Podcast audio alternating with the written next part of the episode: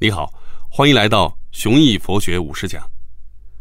佛教从非宗教的、反对偶像的、厌弃世俗生活的修行，变成宗教性的、拜偶像的、辅助世俗生活的心灵鸡汤。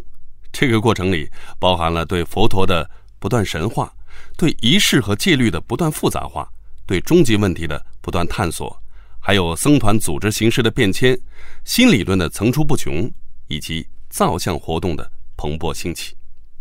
这一讲，我就来跟你说一说佛学是怎么变化成佛教的。第一小节场所，佛寺是怎么出现并不断壮大的。俗话说：“跑得了和尚跑不了庙”，貌似和尚都要住在庙里，其实不是的。佛陀时代，也就是公元前六到公元前四世纪，并没有庙。这个道理很好理解，和尚一旦有了庙，就等于。有了不动产，这就违背了不续财产的戒律。再者，拥有不动产是一件很麻烦的事儿，大修基金要准备，物业管理也需要人力物力，这些俗物纯属给修行添乱，通通要不得。虽然也有大富豪买地盖房献给佛陀，称为精舍，但佛陀只是拿它当做讲课的场所。最早的精舍共有两个，一个是舍卫城的奇缘精舍。一个是王舍城的竹林精舍，哎，都在印度，可以算作寺庙的前身。佛陀圆寂之后，经济发达地区出现了一个难题，那就是和尚在化缘的时候，施主拿不出剩饭，直接给钱。钱既有交换价值，又有储存价值，所以一旦收了钱，就意味着续了私财，连带又会出现买卖行为，这还了得？但又有什么办法呢？拒绝善男信女的施舍是不好的，但也不能劳烦施主们去别处找剩饭给自己吧。于是化缘的时候能不能收钱这件事儿，引发了僧团里的一场大辩论。长老派坚守传统，少壮派却要与时俱进。达不成妥协怎么办呢？那就分家过日子呗。你看，钱这个万恶之源，就是造成佛教第一次部派分裂的。重要诱因之一。从此以后，与时俱进的事情越来越多，又因为有了钱，管理产业也就不再是难事儿了。当佛教传到中国，修庙就变成了既自然又必须的事儿。说它必须，是因为中国的气候和印度不同。印度位于热带，没房子住也冻不死，不存粮食也饿不死。但中国不一样，总得有房子来遮风避雨，总得有积蓄来应对寒冬。另一方面，中国人理解不了什么是佛，一旦都把佛当成神，既然是神，就得找一个地方供起来。而且，帝王出于政治上的考虑，更愿意把宗教人士安置在固定居所里，还要有一套特殊的户籍制度，这样呢才便于管理。于是就有了中国式的寺庙。其实，寺和庙原本都和佛教无关，寺是官署之一，庙是祭祖的地方。也叫祖庙，在汉朝以前，上坟就是到祖庙祭祖，并不去坟前烧香。僧团的房产被称为寺庙，也可以从音译称为僧伽蓝，简称伽蓝。中国古代著名的佛教史籍《洛阳伽蓝记》就是用伽蓝来称呼寺庙的。这个时候，僧团拥有地产这件事儿早就得到了一致的认可。这样一来，僧人经营寺庙产业。也就顺理成章了。第二小节戒律，出家起法号吃素剃度是怎么回事？我们先来看一下出家。佛教徒的修行一般需要出家，出家意味着摆脱世俗当中的一切人际关系，以新的身份在新的组织里面形成新的人际关系。人的姓名是世俗人际关系的典型标记，所以不能要了，要取一个新的名字。这个就是法号。我们再来看一下剃度。出家有剃度的仪式，剃掉头发和胡须，整个人一看上去就和以前不一样了。但并不需要再用香火在头顶上烫上戒疤，戒疤痕是从元朝才有的。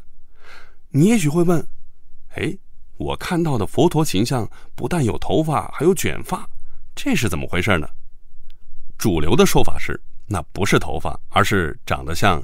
卷发的肉，任何人只要觉悟了、成佛了，头顶都会发生这种变化。我们再来看一下饮食方面，出家之后饮食习惯哎也要改。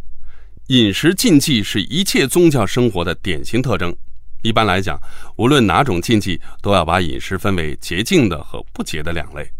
从社会学的意义上来看，这样分类的一个显著功效是把吃洁净食物的我们和吃不洁食物的他们区分开来，伴随而来的就是群体自豪感和凝聚力。人类作为群居动物，有很多行为从本质上来说都是在做群体区隔，一方面是找归属，一方面是找组织优越性。但在佛教还没有成为宗教的时候，饮食禁忌并没有被神圣化，只是单纯从学理出发，不许杀生；又从僧团秩序出发，不许喝酒。虽然不许杀生，但可以吃肉，道理其实不难理解。僧人吃饭全靠化缘，别人给什么自己就吃什么。如果设置很多禁忌，就会给施主添很多麻烦。所以在早期佛典里，还有提到居士用鱼和肉来供养僧人的。你也许会想，如果有哪个僧人用更高的标准自律，就是不吃肉，会不会赢得更多的尊重呢？答案是否定的，因为不吃肉是提婆达多教派的主张。我们说提婆达多，他这个人在佛教里的地位，大约相当于撒旦在基督教里的地位。提婆达多是佛陀的堂兄弟，但是这个人叛离佛陀，自立一派，毕生事业就是想方设法加害佛陀，还处处和佛陀反着来。佛陀既然允许吃肉，提婆达多就把吃肉列为了饮食的禁忌。所以佛陀弟子如果有谁不吃肉，那就等于站在了提婆达多的那一边。佛陀虽然允许吃肉，但有些肉是不能吃的。到底哪些肉不能吃？不同佛典有不同的说法。有的从肉食种类上来说，人肉、象肉、狮子肉、狗肉、蛇肉等等不能吃；有的从动机上来说，出家人不能主动向人讨肉吃；有的从杀生角度上来说，只有三净肉可以吃。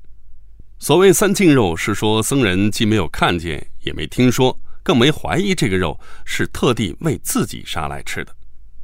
等大乘佛教兴起，禁忌标准就提高了。《大波涅盘经》属于大乘佛教，借佛陀之口说的。所谓三净肉，只是方便的说法。佛门弟子什么肉都不敢吃。小乘佛教当然不干了，说佛陀教导代代相传，哪能说改就改？从这个小例子来看，你就可以看出大乘佛教和小乘佛教一种经典的对攻模式。大乘一般不说小乘是错的，而是说小乘给出来的都是些临时性的、阶段性的答案，只是小乘。要找佛陀盖棺定论的真理，哎，那必须要到我们大乘的阵营里来。小乘当然不接受这顶小乘的帽子，他们一般会拿古老的学理和规章制度来检验大乘的说法，然后得出一个结论：说你们大乘搞的那套东西严重背离了佛陀的教导。根本就不是佛教，到底是东风压倒西风，还是西风压倒东风呢？都不是。真正让终生吃素成为标准的，是一位非常信佛的皇帝梁武帝。这个人用皇权强制僧人吃素，于是吃素就成为中国佛教徒保留至今的特殊传统。其实吃素。也不是什么素都能吃，五荤或者叫五辛都属于禁忌食品。五荤就是五种蔬菜。今天咱们说起荤菜，通常理解为是肉食，但“荤”这个字儿是草字头的，本意是指有刺激性气味的蔬菜。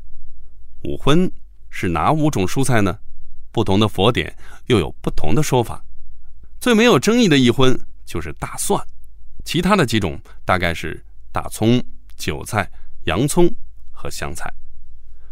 五荤的说法又是大乘佛教发明出来的。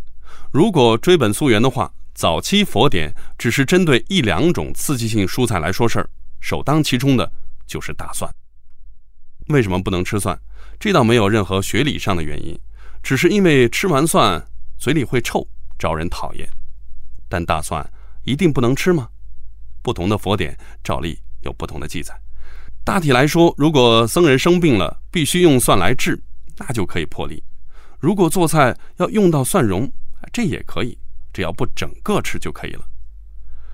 从这些内容里面，你可以看到一个规律：这些禁忌并不是一开始就规定好的，而是一个见招拆招、不断打补丁的成型过程。第三小节，我们来看一下仪式该怎么理解烧香。普通人理解烧香，基本上把它当成了上供的同义词，至少在烧香的同时还要伴随着上供。于是你会发现一个现象，好像全世界所有古老宗教仪式上都要烧一点什么。这其实源于古人对神的理解。